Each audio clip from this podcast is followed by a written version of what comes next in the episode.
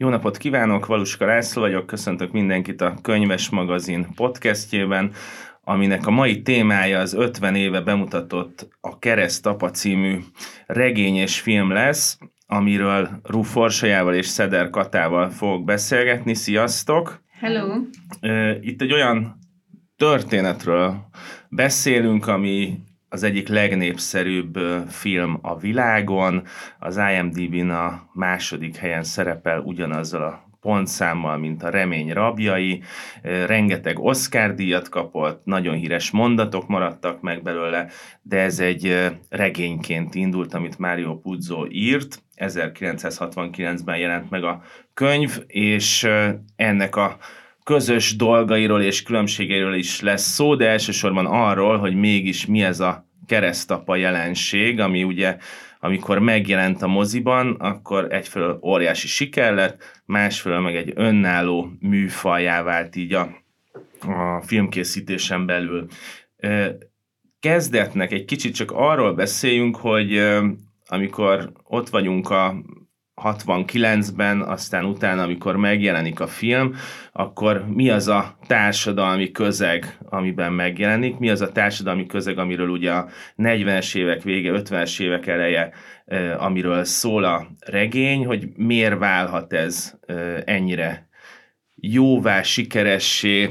mert ez ugye egy ilyen általános társadalmi kérdés volt akkor, hogy a különböző szervezet bűnözői csoportok hogyan működnek, ráadásul nagyon fontos volt az, hogy hogyan jelennek meg a, a bevándorlók, olasz, a bevándorló olaszok New Yorkban vagy Amerikában, milyen életlehetőségeik vannak, és alapvetően mégis egy gangster történetről beszélünk, amiből megtanultuk azt, hogy bárkit meg lehet ölni, hogyha az üzlet azt kívánja. Tehát mi ez a közeg, amiben van a keresztapa. Ezt kritikusok kiszokták emelni, hogy ez nem gangsterfilm, ez kifejezetten maffia filmként illik apostrofálni, és és hogy mi az a közeg, amiben, amiben vagyunk, illetve amiben született, hogy maga a film az, a keresztapa egyről beszélünk, tehát maga a film az 1945 és 55 közötti időszakot öleli fel, itt közvetlenül a második világháború után vagyunk, ugye Amerika egy győztes hatalomként kerül ki ebből a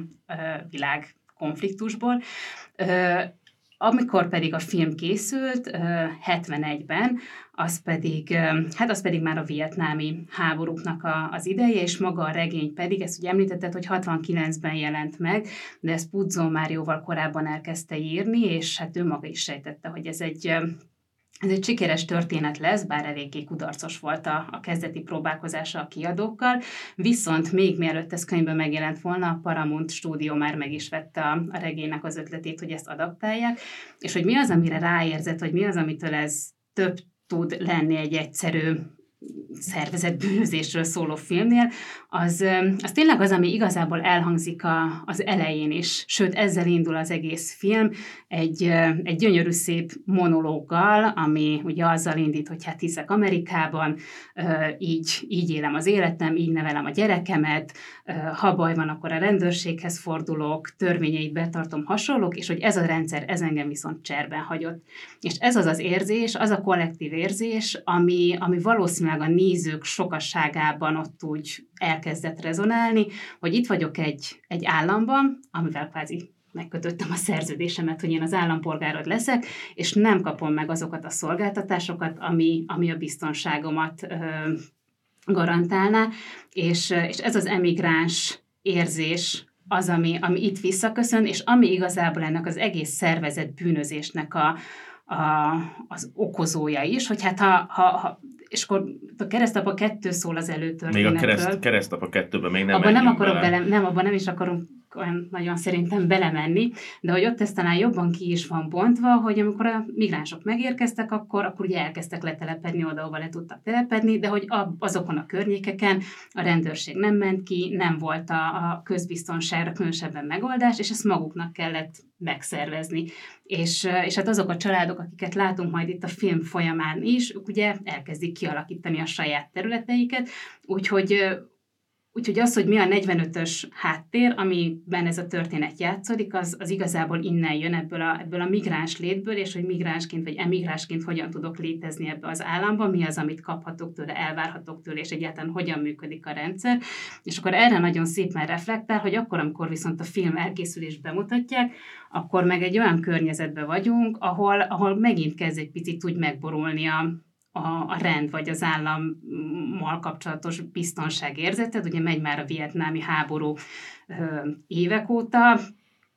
ott ez a feminista mozgalom, ami úristen megint csak valamit tök olyat akar behozni a, a mindennapok szintjén, plusz a Watergate botrány, az pár hónappal később szintén 72-ben robbant, tehát egy ilyen nagyon destabilizált érzeted lehet ö, állampolgárként, amiben az, hogy itt a filmben te látsz egy nagyon-nagyon hierarchikus, nagyon-nagyon a saját szabályai szerint működő, a, a, a problémákat a saját maguk által megoldani képes patriarchális rendet, az adott egy ilyen, egy ilyen biztonságérzetet újfent, arról nem is beszélve, hogy hát a, ugye a nézőközönség java részének még nagyon konkrét élményei vannak erről, a, erről az emigrás létről, hiszen mondjuk első vagy második generációs ö, amerikaiak, akiknek pontosan azok a kis jelenetek, amik gyönyörűen ki vannak bontva a filmben, és csak nüanszok, tehát hogy együtt esznek, együtt főznek, esküvő, ünnepek, stb. Azok azok, amik, amik nekik is a sajátjaik és, és a magukénak tudták érezni. Úgyhogy így környezetileg ez az, ami, ami, ami például nagyon tudja magyarázni, hogy ez miért is, miért is robbant akkor át már a kezdet-kezdetén. Én nagyon egyetértek azzal, hogy, hogy maga az első mondat, ez a hiszek Amerikában, ez iszonyatosan fontos, és szerintem ez szenzációs az első jelenet. És bocsánat, úgy, hogy közben sötét van. Tehát sötét még nem lát semmi, és, és mit látsz? sötétben tehát... hangzik el az, hogy hiszek Amerikába, és onnan kapod meg az arcát. Ráadásul mit látsz? Ül egy rakat hapsi egy, egy teremben, és akkor ugye elhangzik ez, amit te is meséltél, a temetkezési vállalkozó, ugye Bonacera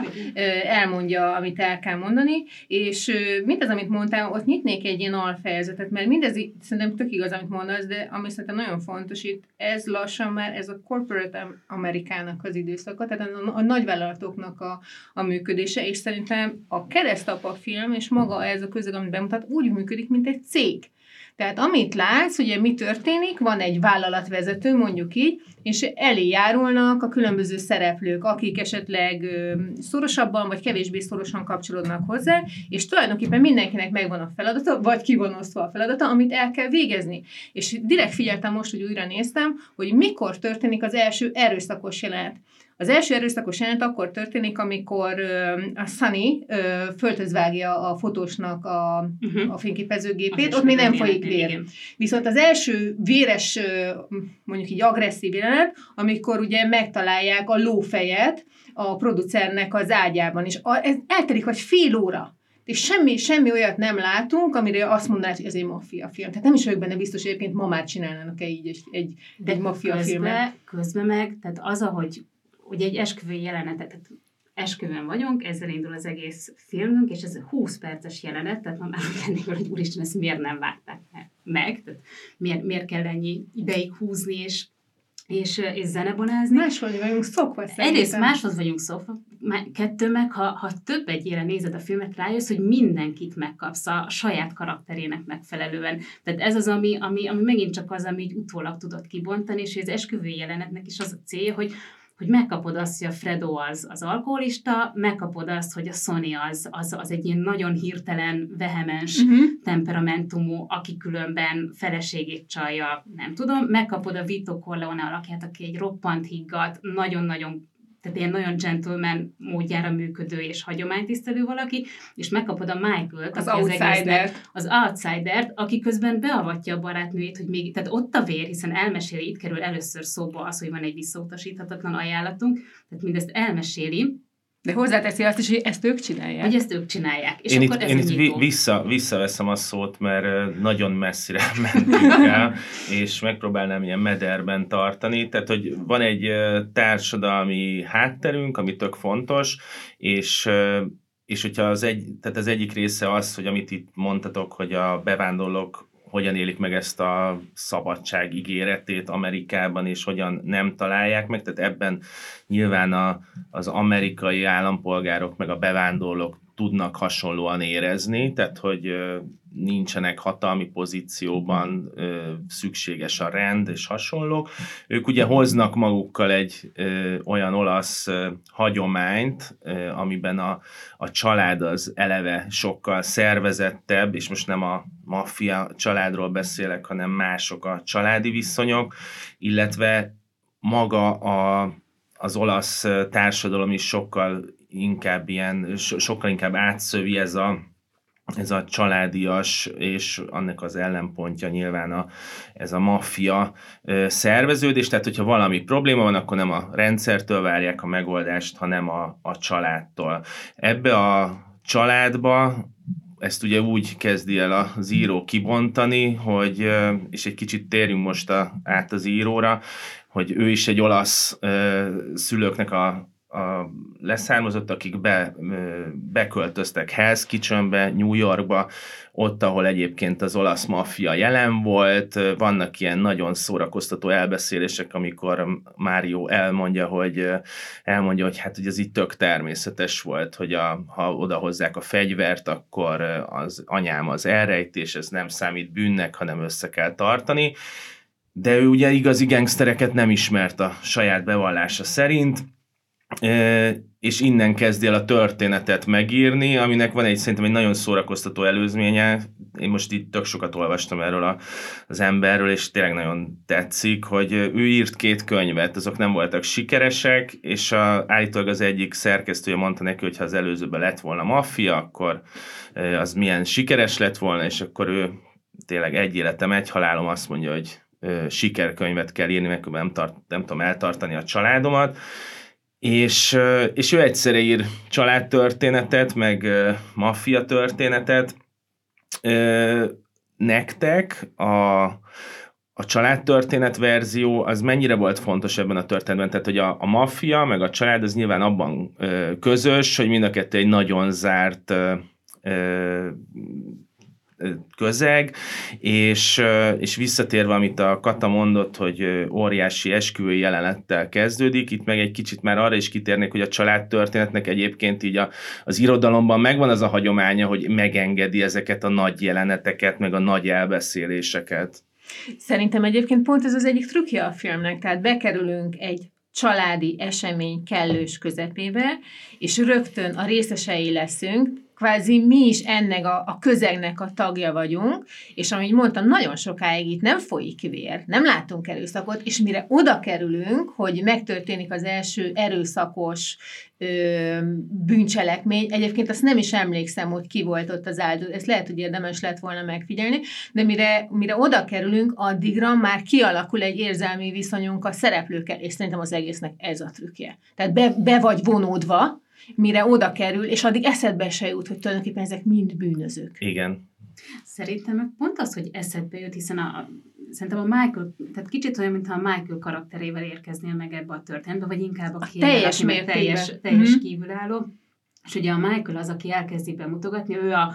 ő a katonafiú, ő a, a legkisebb fiú a családba. Hát háborús hős ráadásul. Háborús hős, igen, ráadásul tanítatják, és, és ezt mindenki tiszteletben is tartja, hogy ő civil, tehát őt nem kell bevonni ezekbe az ügyekbe, és rá kiesik az esküvőről, az apja alig várja különben, hogy megöljön, addig nem fotózkodunk, tehát ott már pozícionálva van az, hogy a Michael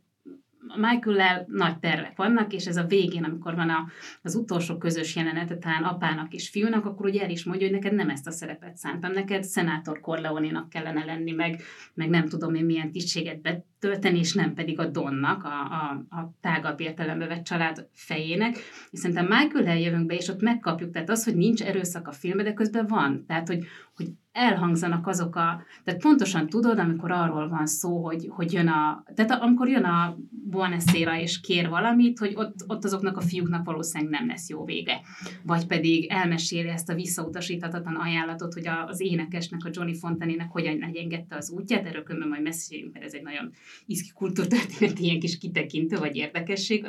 a, a lófeje sztori, hogy, hogy ott ott van, hogy nem, az apám volt az, vagy hát nem ő, az embere, a Luca Brázi, aki oda nyomja a pisztolyt, és hogy vagy ez, vagy, vagy az aláírásod, vagy az agyvelőd lesz a szerződésen. Tehát te megkapod ezt, és pontosan tudod, hogy, hogy ezek nem jó fiúk. És, és akkor, amikor már, már, már az erőszakkal találkozol, az már egy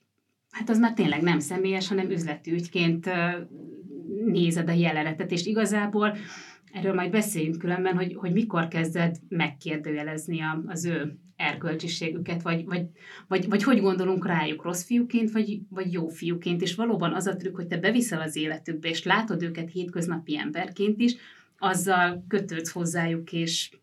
és kicsit elfogultabb vagy, de, de az, hogy ők milyenek, azt az elejétől kezdve tudod. Én még visszajönnék egy kicsit az elbeszéléshez, mert szerintem az nagyon fontos. Tehát, hogy most, amit említettetek, az az egyik nagyon fontos, hogy milyen nézőpontból közelítünk a történethez, és hogy ezen keresztül hogyan jelenik meg először sok férfinak a közös története, és, és hogy az menet közben kezd el kiderülni, hogy akkor, amit meg te említettél, Kata, hogy akkor most jó vagy rossz szereplőkről van szó, és azt hiszem, hogy a legprovokatívabb és legegyszerűbb válasz az, hogy ez a játéknak a lényege, hogy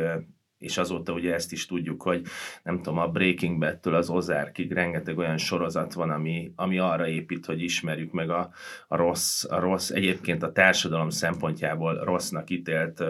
szereplőnek a motivációit, de, de az elbeszélésre visszatérve, hogy nagyon fontos az, azt kiemelni szerintem, és ezen egy picit menjünk tovább, hogy hogyan építkezik, hogyan mutatja be a világot, ugye már a regénybeli, tehát a regényt, ahogy fölépíti Mário Puzo, az már egy nagyon komoly világépítés van ott, egyébként azok a nyelvi elemek már megjelennek a, azok az olasz szavak, meg kifejezések, az a híres mondat is benne van már a regényben, hogy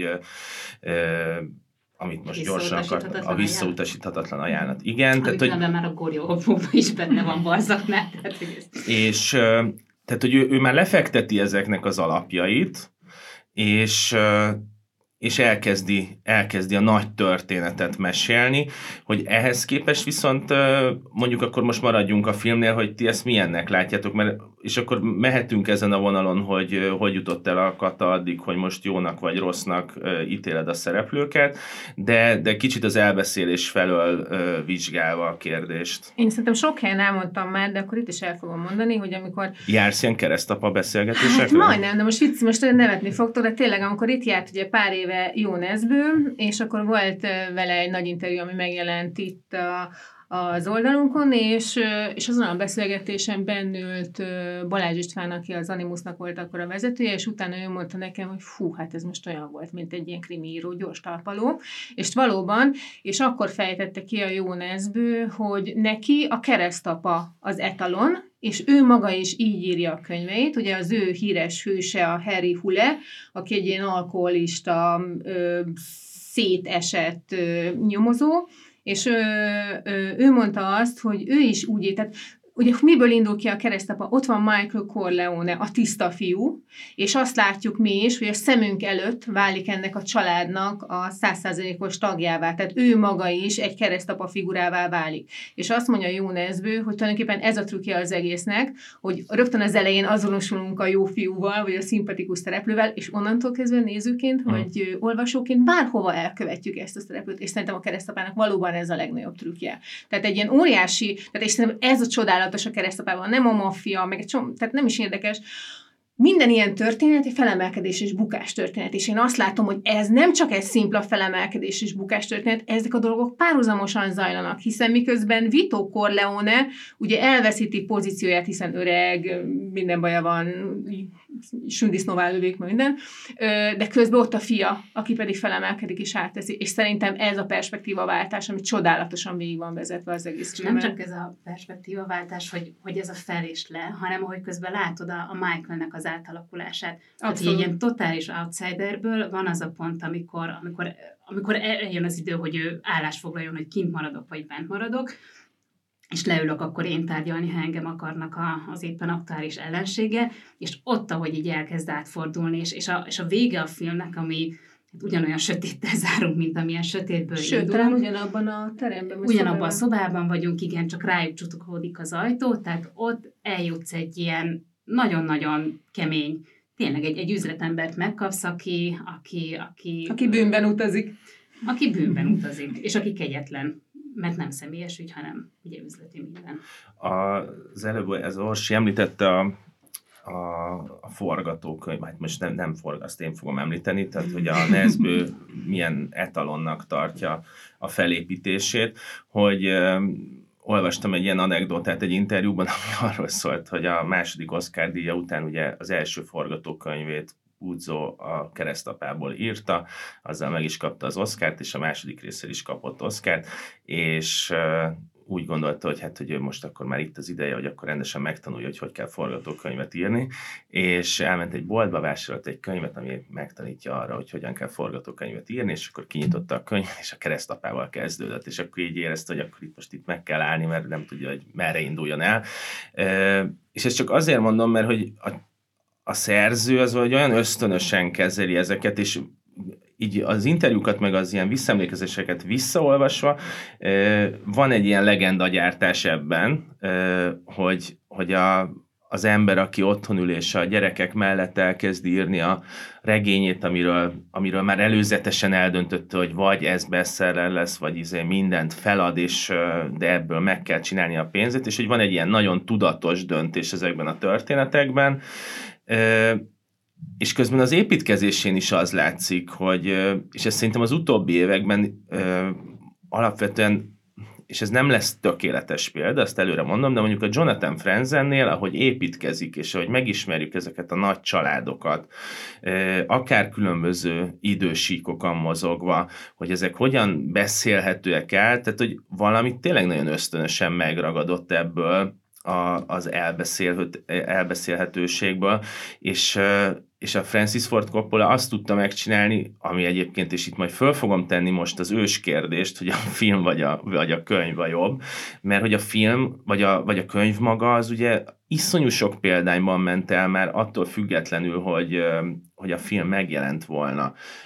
Eladta, ezt ez, valamelyikőtök említette az elején, hogy eladták a, a jogokat rögtön azelőtt, hogy a kiadó kiadta volna a könyvet. Tehát, hogy azt lehetett érezni, hogy itt, itt ezzel a könyvvel történni fog valami, és mégis mindig a filmről beszélünk. Úgyhogy most csak egy nagyon rövid választ várok, hogy film vagy könyv. Én nagyon-nagyon régen olvastam a könyvet, és csak arra emlékszem, hogy halálosan untam. Tehát nekem semmiféle viszonyom nincsen a könyvvel. Tehát, hogyha én a keresztapára gondolok, akkor egyértelműen a filmre gondolok. Én pedig nem olvastam a könyvet, de ezek után szeretném, viszont visszatérve a könyv és a, a film sikerére, meg hogy ez hogyan járt kéz a kézben, Puzó könyv, amikor 69-ben kijött, akkor onnantól kezdve 67 héten átvezette a New York Times bestseller listáját, és bár a, a Paramount ugye rengeteg, tehát nem Coppola volt az első választások ahhoz, hogy megrendezze ezt a filmet. Sőt, 32 a harmadik, éves. Vagy hát sokadik. még talán nem is mhm. biztos, hogy tehát szerintem sokadik volt a sorban, mert a Sergio Leone-t szerették volna, aki uh-huh. akkor éppen volt egyszer egy amerikán dolgozott, és akkor, amikor bejött Coppola a képbe, akinek először nem tetszett a könyv, tehát ő ezt ilyen gicsesnek, túlzónak uh, tartotta, és aztán a családja beszélte rá arra, hogy ezzel mégiscsak lehetne valamit kezdeni. Tehát amikor elkezdtek ezen dolgozni, akkor az eredeti koncepciója az a stúdiónak az volt, hogy Kansasbe helyezzük a történetet, és tökre mai közegbe. És a Coppola volt az, hogy, hogy Coppola mondta azt, hogy nem, ugyanazt kell visszahozni, mint amit a könyv is, könyv is ad, amiben különben megtámogatta őt a könyvnek a sikere, és ezért a, a félve a, a, az esetleges bukástól, vagy a fanyalgástól, akkor a, belement abba a stúdió is, hogy, hogy ugyanúgy 45-től induljon a történet, de hogy ez ilyen nagyon szépen húzta az egyik a másikat, és Puzzónak a, a sikere az például hatalmasat lendített azon is, hogy a casting béli kérdéseket át tudta verni Coppola a a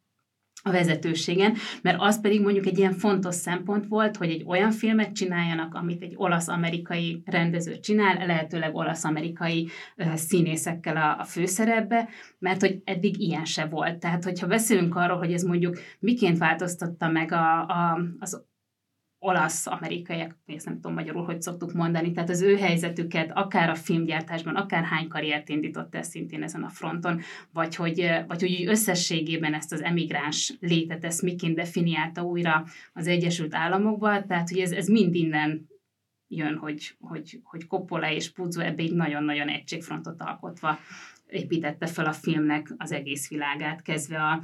a világítástól kezdve a zenén át a színész választásig mindent. Egyébként az előbb mondtad, hogy mennyi legenda fűződik akár a könyvhöz, de hát magához a filmhez is, a filmgyártáshoz nem, nem véletlen, hogy... A tampon. Ö, igen, tehát nem véletlen, majd mindjárt mondjuk, hogy mi ez, mielőtt itt, ez ilyen kérdéseket vett fel, de ugye nem véletlen, hogy most egy sorozat is készül arról, hogy hogyan készült annak idején a keresztapa film. És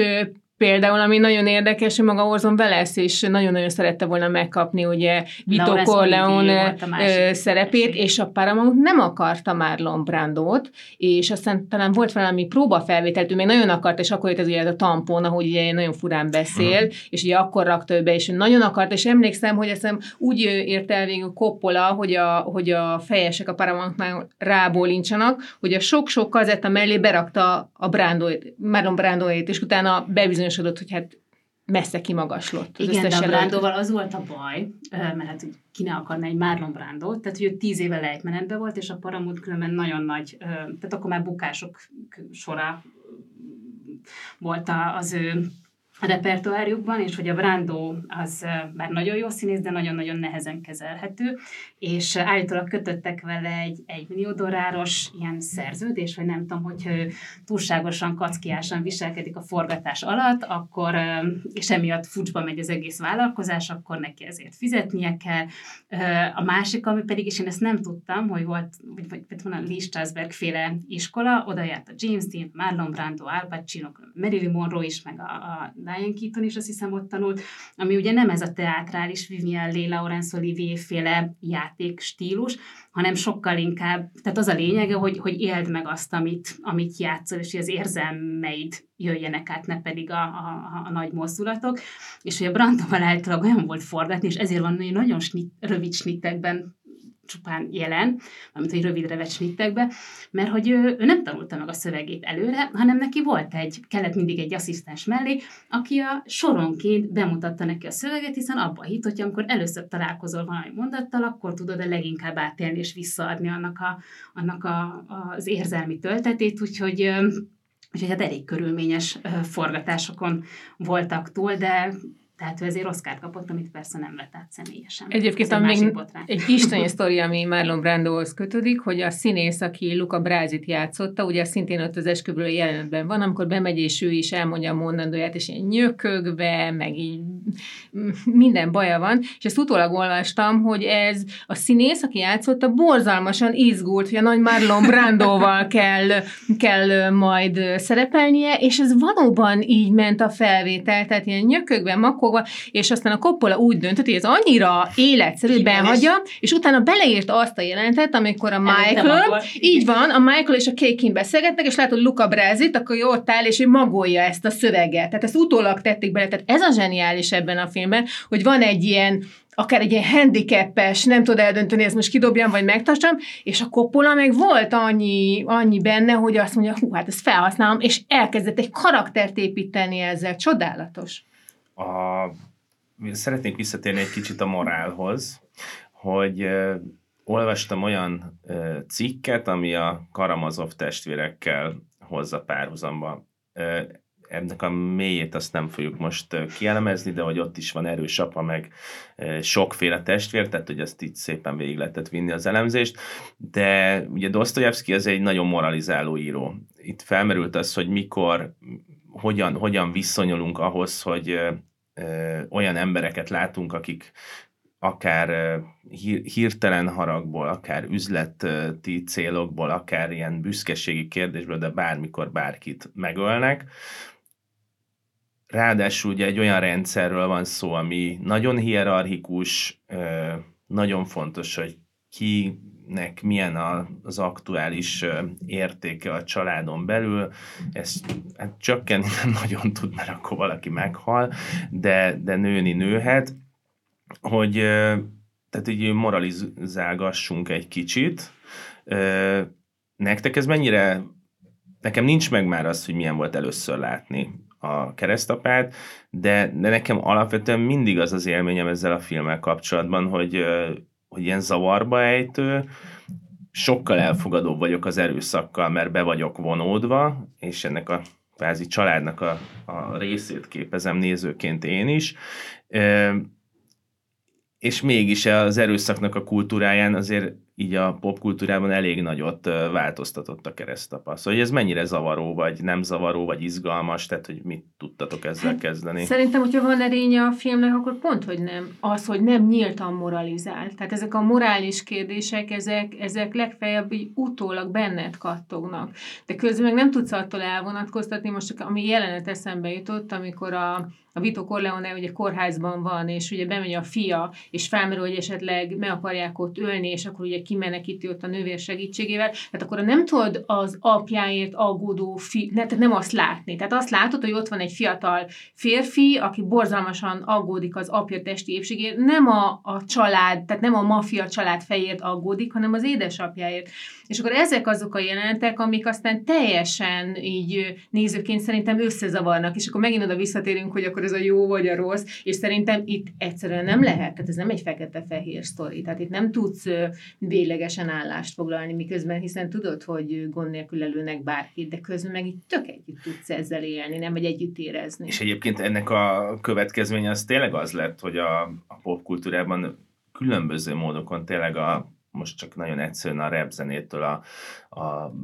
zsáneré váló gangsterfilmekig, az, hogy az erőszakot hogyan ábrázolják, meg ö, hogyan beszélnek erről, az tökre meghatározza a keresztapot. Tehát tényleg rengeteg ö, rap számban kerül elő nyilván a sepphelyes arcúval együtt. Tehát, hogy egy nagy mitológiája lett ennek a történetnek, ami segít abban, hogy ö, újra és újra ezt a az ilyen sarokba szorított egyéneknek, a, rendszer elleni egyéneknek a történetét valahogy hallhatóvá tegyék. Itt különben, hogy ezt a kórházi jelenetet említetted, ami, ami ugye sok szempontból is egy ilyen fordulópont mm, a, az egész történet szempontjából. Nekem érzetként különben a leginkább az van meg, és, és ez az, ami részint az erőszakot is magyarázza, hogy bemegy ez a fiú a kórházba, tök üres, tehát nincs mm-hmm. ott mhm. semmiféle őr, még, még csak nővérse senki, és azt a kiszolgáltatottságot, hogy, hogy, hogy hol vannak a biztonságőrök, hol vannak a rendőrök, de a rendőr vajon az én embereme. Tehát, hogy, hogy, hogy, hogy, hogy kiben bízhatsz. És ez, Nagyjából senkiben. Nagyjából senkiben, és, és, a, és az első nézés, tehát az első keresztapa mozi élményemből ez az a rész, ami nagyon-nagyon markánsan megmaradt, akár képileg is, gyönyörűen van fényképezve a film, tehát az megér egy külön misét, de, de hogy, hogy, hogy, hogy ez a kiszolgáltatottság érzés, hogy, hogy ki, kit, kinek szólhatsz, kit kihívhatsz, ki az, akiben megbízhatsz. És ez végigvisz az egész filmben, és beszélünk a moráról, meg, a, meg az értékekről, de közben meg magának az egész családnak nagyon-nagyon ö, szigorú és, és jól meghatározott erkölcsi rendje van. Tehát tudod az pontosan, hogy mi a legfontosabb, mi az, amit elvárnak tőled, és akkor vagy bajba, hogyha ebből, ebből kilépsz, és, és, és nem vagy lojális. És ez annyira durva egyébként, hogy ez, ez tök igaz, és ez egy név, tehát szerintem ez megmagyarázza részben azt, hogy miért is szeretnek hivatkozni a keresztapára, de ha belegondolunk, és ez most egy nagyon óvatos zárójel, de mondjuk minden uh, ilyen autokrata, diktatórikus vezető, egy, az, az így működés, ezt és ezt egyáltalán igen. nem akarnánk együtt élni ilyenben, mert miközben a kiszámíthatóak a szabályok, az valójában az ő szabályai, ami egyébként bármikor tud változtatni, meg nyilván egy csomó szabály a Corleonéknál a hagyományból is következik, de hogy valójában abban a társadalmi közegben te nem akarsz élni, amit, amit a család szimbolizál, viszont az, hogy te bármikor fegyverrel le a saját ilyen véleményed mellett kiállhatsz, az viszont egy nagyon vonzó dolog volt. Így, tehát én ezt popkulturálisan tényleg ezt látom, hogy ez egy nagyon fontos dolog, hogy te fegyvert ragadhatsz, és vannak ilyen egyszerű szabályok, amik így az üzlet nyelvére lefordítják a, a család működését, de miközben ezek a részek így nem magától, ér, magától értedődőek, hogy ezek így mennek. De, de, de akármiért nem ragadhatsz fegyvert, és itt most az értékek szempontjából én nem csak a, tehát hogy rengetegszer elhangzik, és ezt a legelején megkapod már az esküvői jelenetnél, amikor az énekes Johnny Fontana megy panaszkodni, egy, hogy légy férfi, mert nehogy már te is elbuzulj el Hollywoodba, tehát ez, ez azt hiszem valahogy szó szerint így hangzik el a, Vito Corleone-tól, másrészt meg, hogy a család rendben. Tehát a család, a család, a család, meg hogy ennek össze kell tartani, vagy hogy a, töltsél velük elég időt, mert hogy ez mennyire fontos, és az egyik leghíresebb mondás is ez a mondás, hogy ez a hagyd a puskát, hozd a, hozd a tésztát, leave the gun, bring the cannoli, tehát ezek szintén arra mutatnak, hogy, hogy a család mindenek előtt, hogy ott ad meg az időt, annak össze kell tartani, tehát ez nagyon-nagyon intenzív. Hát de addig adhatod meg az időt a családnak, amíg egyébként te azt csinálsz, amit akarsz. Tehát, hogy ez egy olyan full keményen patriarchális keményen rendszer, patriarchális. Ami, ami valójában nem arról szól, hogy a, a család szent, hanem a család ez a szimbolikus maffia család értelmében szent, mert egyébként a De... saját feleségeddel, meg a gyerekeddel kapcsolatban már nincsenek meg azok a kötelezettségek. Igen, pénzt kell vinni, az meg enni kell adni, de egyébként meg járod a saját utadat. De pont, hogy megvan a kötelezettség. Tehát szerintem mondjuk a Johnny Fontana karaktere az azért izgalmas, és ezért érdekes, hogy van egy keresztelő jelenet a, a film vége felé. Egy zárójelet hagyni, csak maga a kisgyerek, akit megkeresztenek, az nem más, mint Sofia Coppola Igen. egyébként. tök, tök jó.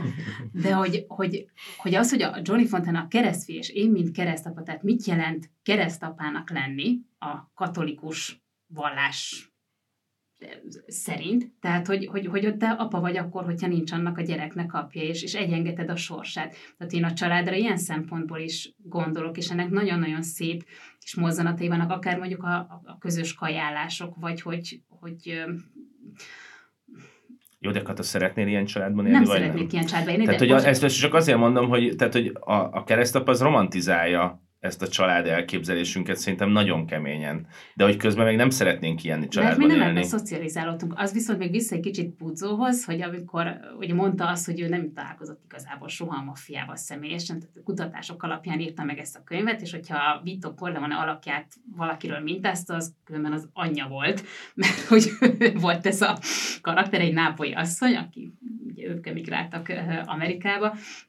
de igen, tehát a nők azok nagyon-nagyon marginalizált helyzetben vannak, és hozza azt a macho kultúrát, ami a mi sztereotípiánk van így él a, a, az olaszokról összességében. Tehát nem szeretnék ebbe a csárba élni, de nekik nagyon keményen definiálva vannak, hogy ez oké, okay, ez nem oké, okay, ez oké, okay, ez nem oké, okay, és mi válthat ki erőszakot, hát mi az, amire léphet. Ne felejtsük el szerintem itt a lojalitás és az árulás kérdését, tehát szerintem az egyik legfontosabb. Igen. Tehát most így a tágcsaládot veszek, tehát aki nem csak uh, ilyen vérrokoni kapcsolatban van, hanem mint uh,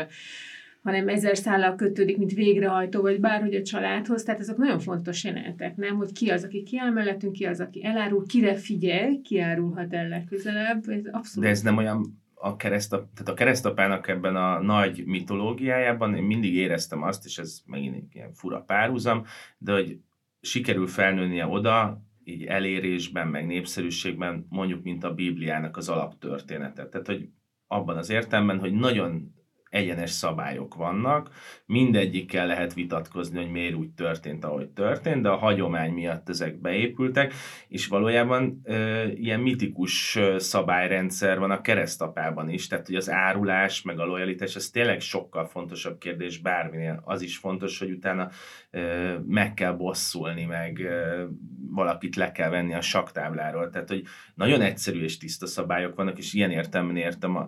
a bibliai párhuzamot csak, hogy ilyen tehát a Bibliában van, ezt megtanultuk, hogy mik azok a szabályrendszerek, amik szerint élni kell, ezeket bizonyos szempontból meghaladtuk azóta, de a keresztapa valahogy ezt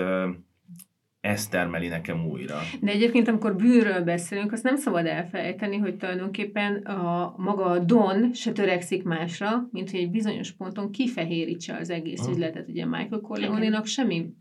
más feladata nem lenne az életben, mint hogy legalizálja a család működését. És ez az, amiben tulajdonképpen elbukik az egész család. Tehát mindenki, mindegy szálig elbuknak ebbe, tehát ez nem fog megtörténni, és én azt látom egyébként, hogy maga Michael Corleone alakja is, mint hogyha ezt a vágyat tovább vinni, akár a saját gyerekével kapcsolatban is, de... De a rendszer miatt bukik el. Tehát, hogy ugye ott bukik meg, vagy ott meg a, az egyensúly, amiről szintén tudjuk, elhangzik a film folyamán kicsit később, hogy hát öt évente van egy ilyen nagy fájt a, a családok között, és már tíz éve nem volt ilyen, úgyhogy pont pont itt az idő, hogy levezessük a feszültséget, meg kicsit újra osszuk a lapokat. Tehát, hogy ott, ott bukik be a dolog, hogy, hogy az apa azt mondja, hogy, hogy a drogbizniszben nem megyek uh-huh. bele és egyszerűen nincsen más választás, amit belemenni, hiszen itt kezdődik el a, a, a, az erő, tehát a ténylegesen erőszakos De ez részes nem egy illúzió egy ilyen, egy ilyen terepen azt mondani, hogy kimaradok valamiből, miközben tíz másikban meg benne vagyok? Ez, ez egy ilyen hamis morálnak Szerintem érzem ez egyébként. egy ilyen kicsit, tehát hogy ugye beszéltünk arról, vagy mondtátok, hogy ilyen mennyire céges működésben épül föl a, a, a család, és itt valójában az van, hogy van egy nagyon sikeres cég, aminek van egy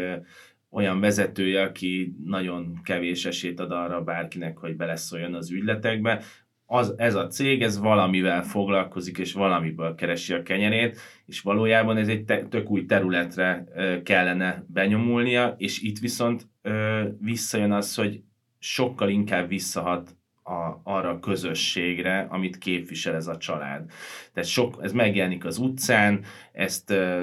nem tudom, a gyerekek is drogoznak, meg a szülők is drogoznak, és azok tönkreteszik a családokat, és akkor ott egy picit ez visszajön ez a felelősség kérdés, hogy ez a család, ez valójában mekkora háztömbér felel, de, de én itt szerintem ilyen kapitalista logika van, tehát hogy az öreg, aki már nem tud ebből tovább lépni, és jönnie kell a frissnek, aki őt legyőzi, és új irányt tud adni a cégnek. Másrészt, bocsánat, tehát hogy bejön az is különben, hogy a, a Vito figurája, aki már idősebb, tapasztaltabb, tehát hogy ő, ő kvázi a reálpolitikust képviseli itt, ha, ha, ha egy ilyen sikra tereljük, és ennek később ugye fontos fontos is, hogy egy, egyrészt miért akarják őt bevonni, kettő meg, hogy miért fordul mindenki ellene, ugyanis ő az, aki a bírókat, meg a szenátorokat a kezében tartja. Tehát a politikusokhoz neki van bekötés, és ő azért nem akar belemenni a drogbizniszbe, mert hogy ott tehát, hogy többet veszítene vele, mint amennyit nyer, és neki ez a reálpolitikai döntése van, hogy mérlegre teszem, hogy a portfólió bővítésével esetleg nem veszítek-e ügyfeleket. És amikor, amikor mondjuk összejön az öt család, akkor pont azt rólják fel neki, hogy hát oké, okay, Vito, de hogy te nem osztod meg velünk azokat a javakat, a politikusokat és a, és a bírákat, akik neked vannak, nem dobod be a közösbe, és akkor jön rá, hogy igazából az ellenfele, az nem a Tattáni, vagy nem tudom, hogy hívják, aki vele szembe ül, hanem aki az egész ülést levezeti, hiszen itt az oka, vagy hát ez az oka annak, amiért mindenki ellene fordult, kellenek az embereim. Tehát, hogy, hogy nem csak az, hogy most morális vagy sem, vagy régi erkölcs vagy sem, hanem, hanem az, hogy milyen portfólióval bírsz, és, és milyen hatalmat birtokolsz, annak az újraelosztás. Tehát konkrétan, mint egy háború esetében azt látjuk, hogy az erőforrások újraelosztását szeretnék kérni a többiek, mert kimaradtak valamiből, ami nekik ugyanolyan fontos, és, és abszolút a háborús logika lép be, és most ne aktuálba, hanem lépjünk vissza sokat, tehát, hogy ez a Richelieu bíborosi logika, reálpolitik. Tehát ez, ez visz végig a filmen, és hogyha belegondolunk, akkor ez a nem személyes ügy üzleti, nem személyes üzleti, egy abszolút reálpolitikát nyomnak igazából. De mégis mindig személyes lesz egy idő után. De azért személyes, mert mondjuk a, a sógorom az, az kinyírja a, a, a bátyámat. És akkor én kinyírom a sógoromat. és a bátyám azért bántja a sógoromat, mert ő meg bántja a hugomat, aki a felesége. Tehát, hogy igen, ilyen szempontból személyes, de különben meg ez kőkemény üzlet. Mit nyerek, mit veszítek, mit nyerek, mit veszítek, hogy maradunk fent. Ebből a kérdésből következik, vagy ebből a témából következik az, hogy nektek a keresztapának a társadalom vagy világképe az, az milyen? Tehát, hogy abból a szempontból, hogy nagyon zárt világ, de közben azért elég sok mindenre reflektál, ezt az elején a Kata elmondta, hogy mi történik a, a, a társadalomban, de hogy ez a világkép, világkép ez egy tényleg egy fullosan férfi központú és ilyen háborús logikára épülő, a hatalmat központosító világról szól, amiben a nőknek nem nagyon osztanak szerepet. Egyébként a, a, a fiatal Corleone-nak is fel kell nőnie ehhez a férfivá kell válnia ebben a történetben, hogy uralni tudja a rendszert. Ez tök érdekes, hogy 72-ben ez teljesen máshogy néz ki, mint 2022-ben, miközben nyilván a mai napig egy iszonyú népszerű film, és most nem kérek rajta számon semmit, csak hogy, hogy ez a társadalom meg világkép, ez ilyen popkulturális szempontból azért fontos, mert az óriási sikerei miatt ugye ezek mindig visszahatnak a, az életünkre. Egyébként, ha már a női szerepekről beszélünk, ugye az egyetlen igazán független nő az Kay, aki ugye később Michaelnek a felesége lesz, és szerintem az a legutolsó jelent, amiről az előbb már beszéltünk, amikor lassan ugye becsukódik az ajtó, és akkor jön a nagy megdöbbenés, amikor a feleség látja, hogy kezet csókolnak a férjének, és akkor innentől kezdve ez így beteljesült ez a, ez a keresztapaság, és szerintem ott látjuk megint ezt a feleséget egy ilyen nagyon erős kívülállói pozícióban, tehát az, amiben mondjuk Michael megérkezett ebbe a filmbe, hogy én távol tartom magam az üzlettől, én csak itt megjöttem, háborús hős vagyok, és nekem teljesen más szerepet szán a család, aztán ugye teljesen, teljesen ebbe a gépezet része lesz, egy nagyon-nagyon fontos ö, ö, kis csavar, vagy nem is csavar, hiszen ő, ő maga motorja lesz az egésznek, és akkor maga a feleség lesz az, aki egy ilyen kívül, tehát kicsit én úgy érzem, onnantól kezdve az ő, tehát a legutolsó jelentben az abszolút az ő pozíciója nagyon-nagyon erős. És szerintem az, amikor is szavak nélkül, tehát így ki tudsz fejezni. Tehát ez is egyébként, tehát amikor arról beszélünk, hogy igenis azért vannak ennek a filmnek azért nagyon-nagyon lassú, komótos részei, tehát azért három óra, azért azt szerintem elég, elég hosszú, már nem mondom, hogy nincsenek ilyen filmek, de azért ott elvárjuk, hogy azért pörögjön az akció, és de ami csodálatos, amikor is szavak nélkül kifejez egy-egy jelenetet, és szerintem ez borzalmasan erős ez a zárójelenet. Most csak ez a szavak nélkül jelenet, Öm, ugye van jó pár rész, a magyar szinkronos verziót értem most el, de aztán hallgatva külföldi, vagy olvasva külföldi anyagokat róla, ott is kiderült, hogy az eredeti is így volt, hogy mondjuk az olasz beszédek nem voltak lefordítva angolra. És pont ez a párbeszéd nélküliség, meg ez is egy, egy ilyen, hogy szoktátom, elbeszélői fogás volt a Coppola részétől, hogy ott a, az első ilyen nagy jelenete a Michaelnek, amikor tárgyal a, a drogbáróval és a, és a rendőrfőnökkel, és akkor mondja a drogbáró, hogy fordítsuk ezt most akkor így olaszra, bocsi, és ez nem volt lefordítva az amerikai mozi nézőknek sem, és hogy itt a Coppolának az volt a célja, hogy, hogy tök mindegy, miről van szó. Tehát pontosan tudjuk, hogy a Michael mit fog, tehát mi lesz ennek a jelenetnek a vége, ha minden úgy megy, ahogy, ahogy mennie kell, és hogy, hogy arra helyezte hangsúlyt, hogy, hogy, hogy lásd egy az, hogy, hogy ő hogy veszi a sok blablát, amit mondanak neki, kettő meg, hogy, hogy ez ennyire nem számít, hogy ne vigyen el a szövegtől, a reakciókra figyeljél, és hogy, tehát visszatérve arra, amit kérdeztél, hogy ez a világ, hogy hogy állunk hozzá, én tökre nem szeretnék egy ilyen világba élni, és különben ijesztő, akár így a, tehát akár az, hogy me, ha, ha megnézzük, hogy ezek az autoriter rendszerek, amik például a keresztapába is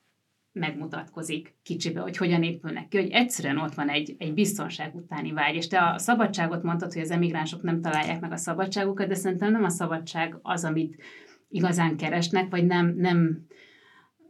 nem, nem, nem, nem azt emelném ki, hanem hogy a biztonságodat nem találod meg. És ez az egész film ez arról szól, hogy hogyan szavatoljuk a családunknak a, a biztonságát, vagy az érdekeinknek a biztonságát. És tök érdekes azt látni, hogy ez miért szólhatott akkor át, miért lett egyáltalán mondjuk ez a maffia jelenség, hogy a biztonságot keresed, ahhoz akarsz visszanyúlni. És, és kíváncsi lennék, hogy például akkor akkor most, ha megnézik ezt a filmet, mondjuk milyen sikerrátával megy, vagy például arra is, hogy, hogyha ha egy ilyen lebontást csinálunk, hogy a férfi nézők meg a női nézők, tehát egy ilyen elosztás, hogy kik szeretik, és kinek abszolút referencia pont, hogy, hogy ott milyen arányok jönnek ki.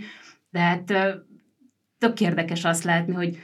hogy, hogy akkor, amikor így bedől minden, akkor, akkor erre mész rá. És igazából, ha megveszed, vagy megnézed a propagandát, a politikai propagandát, ugye az, azt is mindig azt szavatolja neked, hogy mi biztonságot tudunk neked ígérni. Ilyen áron, meg ilyen áron, de hogy a biztonságot garantáljuk neked. És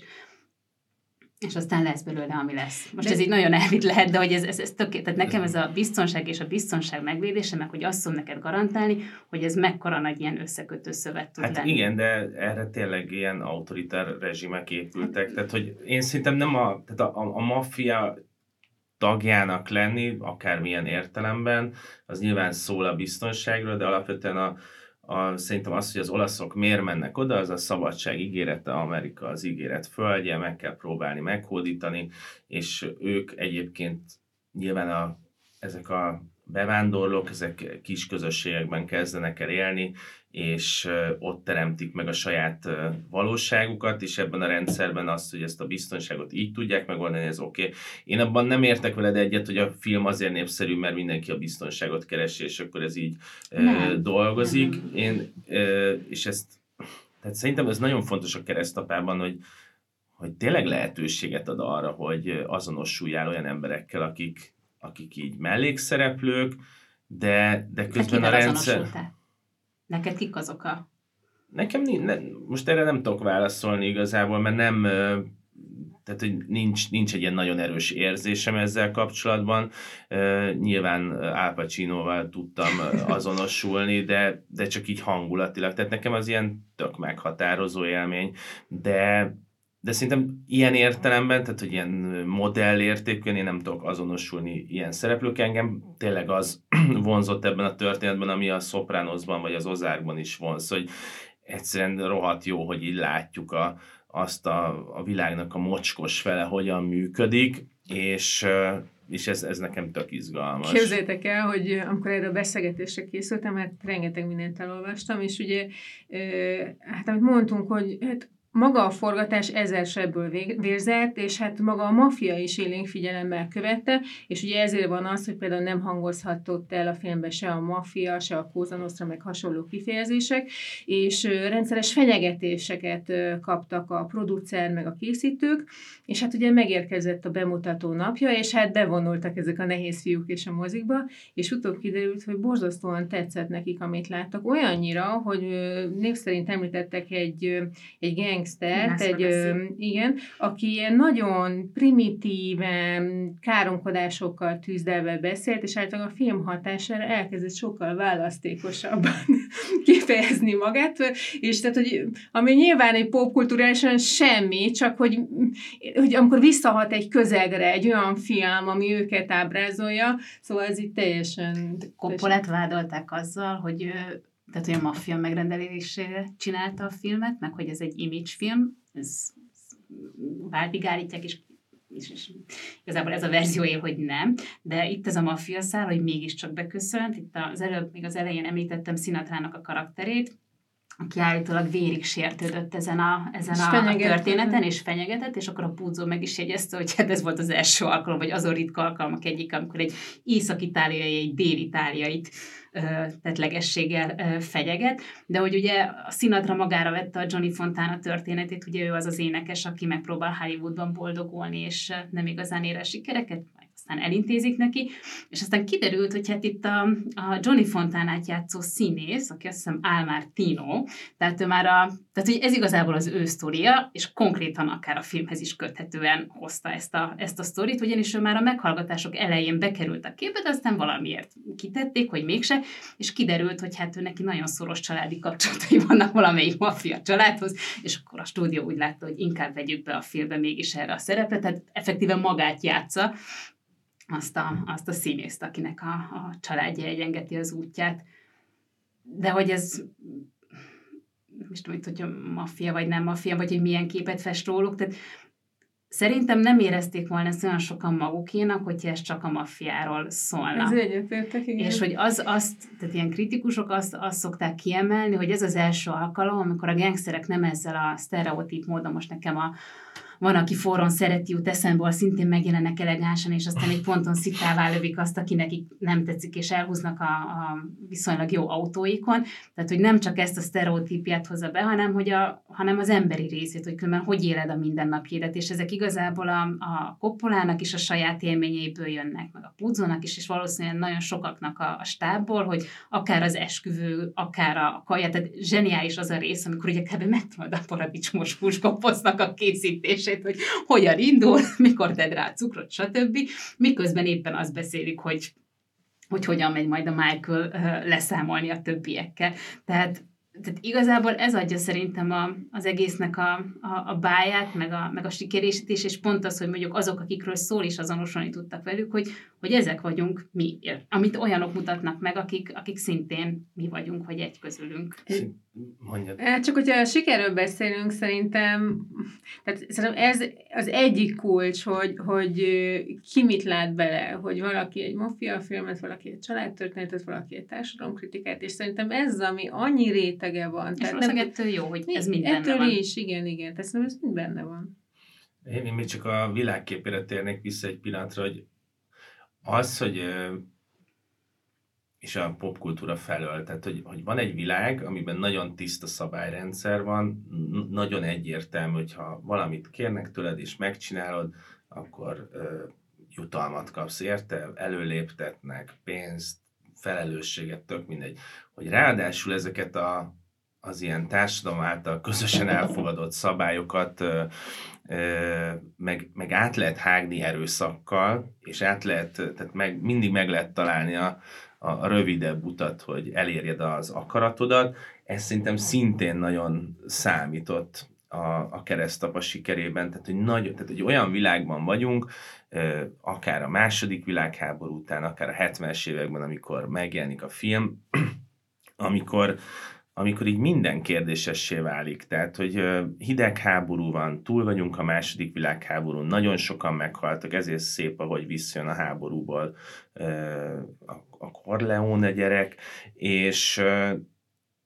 és hogy nincsenek tiszta szabályok, tehát éppen Vietnámban, Vietnámban mennek háborúzni az amerikaiak, és ez a film meg egy nagyon tiszta szabályrendszert ad. És, és ezért érdekes az, hogy nekem így a, a baráti körömben, meg egyébként a, annak idején így a családomban is, tehát tök sok mondat azért tér vissza a keresztapából, mert, mert azzal rögtön megidéznek egy, egy ilyen nagyon tiszta szabályrendszert, amiben nagyon egyértelmű szerepek vannak, és, és ez nem tudom, hogy jó vagy rossz, de, de azt így látom a környezetemben, hogy a, és ezek mondjuk főleg férfiak, hogy, hogy ez mennyire mást ad ez a film, és hogy, hogy mennyire ezt az elnyomott hangot szabadítja föl ebből a szempontból, hogy, hogy a, nem tudom, apámnak egy, egyszerűbb volt idézni a filmből, amivel igazából nem idézett csak a filmből, hanem rögtön el is mondta azzal a mondattal, hogy mi az a szabályrendszer, amit elvárt tőlem, amit egyébként máshogy meg nem tudott elmondani. Bocsánat, visszakapcsolva arra, és akkor mondtad, hogy, hogy nem a biztonsági vágy szeretete miatt szeretik ezt a filmet, de hogy az, amit te mondasz, amit ez a film adni tudott, tehát viszonyítási pontokat ad, akár ezek az idézetek, meg hogy ezek az idézetek mit jelentenek, azok, azok viszonyítási pontként működnek, hiszen tudod értelmezni, ha láttad a filmet, hogy annyiszor találkoztál vele, hogyha nem láttad is tudod, hogy, hogy mit kezdjél vele. És igazából az erejét ennek a filmnek az adja, hogy akár jó vagy rossz ez a viszonyítási pont, de pont amit mondasz, hogy igen,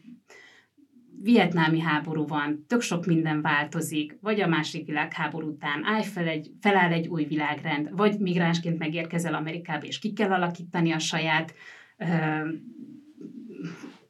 saját életedet, tehát hogy, hogy itt ennek az egésznek a, a lényeg az, hogy, hogy viszonyítási pontokat ad, tehát igazodási pontokat, hogy akkor, amikor dőlbe körülötted minden, vagy minden ilyen instabil, vannak olyan dolgok, ami, ami tud, amiről konkrétan tudod, hogy ez jó-e, vagy rossz. A, a rendpárti család? Nem a rendpárti család, hanem hogy, hogy, hogy tudom azt, hogy, hogy fontosabb a tészta, mint a, mint a puska. De ez a, ez a romantizált része. Nem feltétlenül. Mert közben de, a fegyverrel meg, de a fegyverrel meg megölnek embereket közben, hogy abban a hatalmi pozícióba De én most általánosságból beszélek. Én általánosságból beszélek arról a mechanizmusról, hogy akkor, amikor érzed, hogy körülötted úgy instabil minden, akkor keresed azt, amiben meg tudsz kapaszkodni, amiről amiről vagy érzed, vagy megmondják neked, vagy az a közösség, amiben vagy, az azt mondja róla, hogy jó vagy sem. Én nem azt mondom, tehát nem azt mondom, hogy hogy ez jó vagy nem jó, hanem az egész mechanizmust, hogy hogyan működünk társadalmi szinten vagy emberileg, hogy keressük a, keressük a fogódzókat, keressük a viszonyítási pontokat. És, és mint ahogy például a keresztap is egy viszonyítási pont lett, a keresztapának az erőssége az az, hogy az ő általuk ábrázolt kis közösségbe vagy társadalomba vannak határozott viszonyítási pontok amiképpen akkor a társadalomban vagy világszinten nem léteztek. Egyébként Ugye amikor erre a beszélgetésre készültem, akkor utána néztem, hogy a magyar bemutatónál mit, miket írtak a lapok. Ugye el kell mondani, hogy tíz évvel később mutatták be a, az amerikai premierhez képest, és, és az is egy megér egyébként egy beszélgetés, hogy ott, ott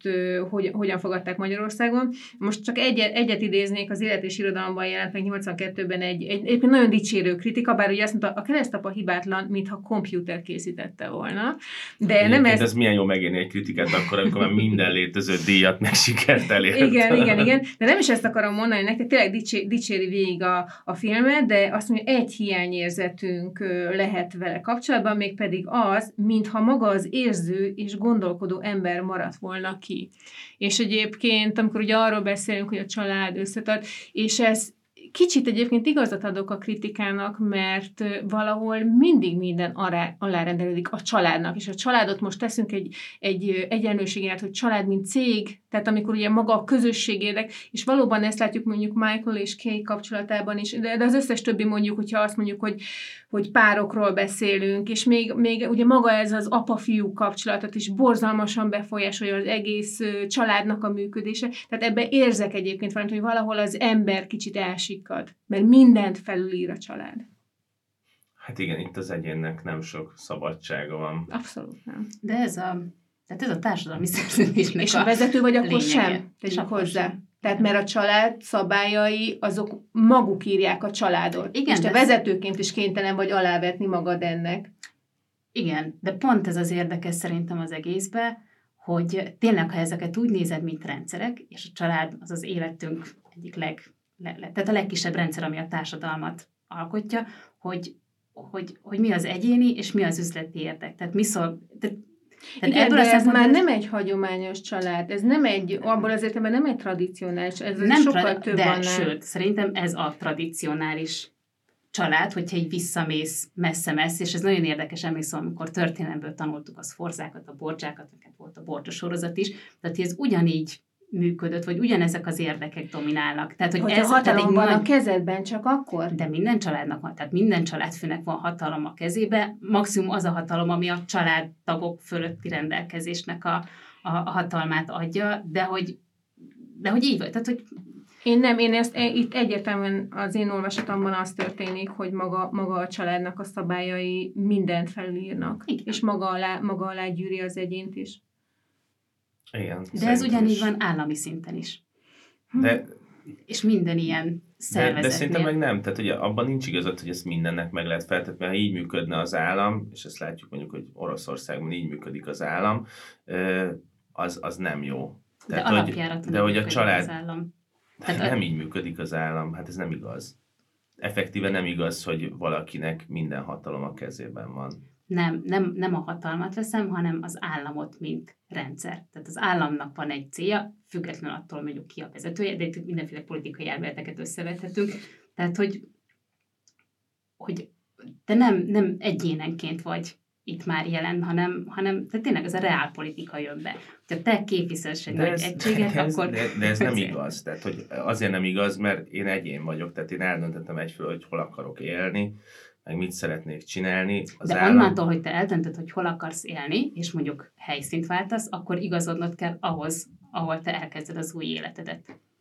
Engedjetek meg, hogy egy kicsit kilépjünk ebből, ebből a gondolatmenetből, mert ugye amit mondtunk, hogy csak kicsit tényleg annyira, annyira vicces írásokat találtam itt a 82-es bemutató után, hogy egyrészt kiderült a, a leírásokból, hogy borzalmasan nagy érdeklődés volt, tehát itt van is egy ilyen, hogy tumultuózus jelentek játszottak le a, a jegypénztáraknál, meg van egy ilyen, hogy Sajnos nem segíthetünk a jegyostromlóktól már az idegösszeomlás küszöbén álló üzemvezetőn. Tehát el tudjuk képzelni, hogy akkor tényleg volt egyfajta érdeklődés, de ami, ami teljesen fura volt a, a Pesti műsorban megjelent egy ilyen, hát mondjuk egy ilyen kevcsináló nevű ilyen szövegszörny, tehát nem tudom, nem tudom másként jellemezni, csak hogy ezt felolvasom nektek, mert ezt nem akartam hinni a szememnek, amikor elolvastam. Ugye magáról a családról azt mondja, a film a, a, ezt a nyugtalanító föld alatti világot mutatja be,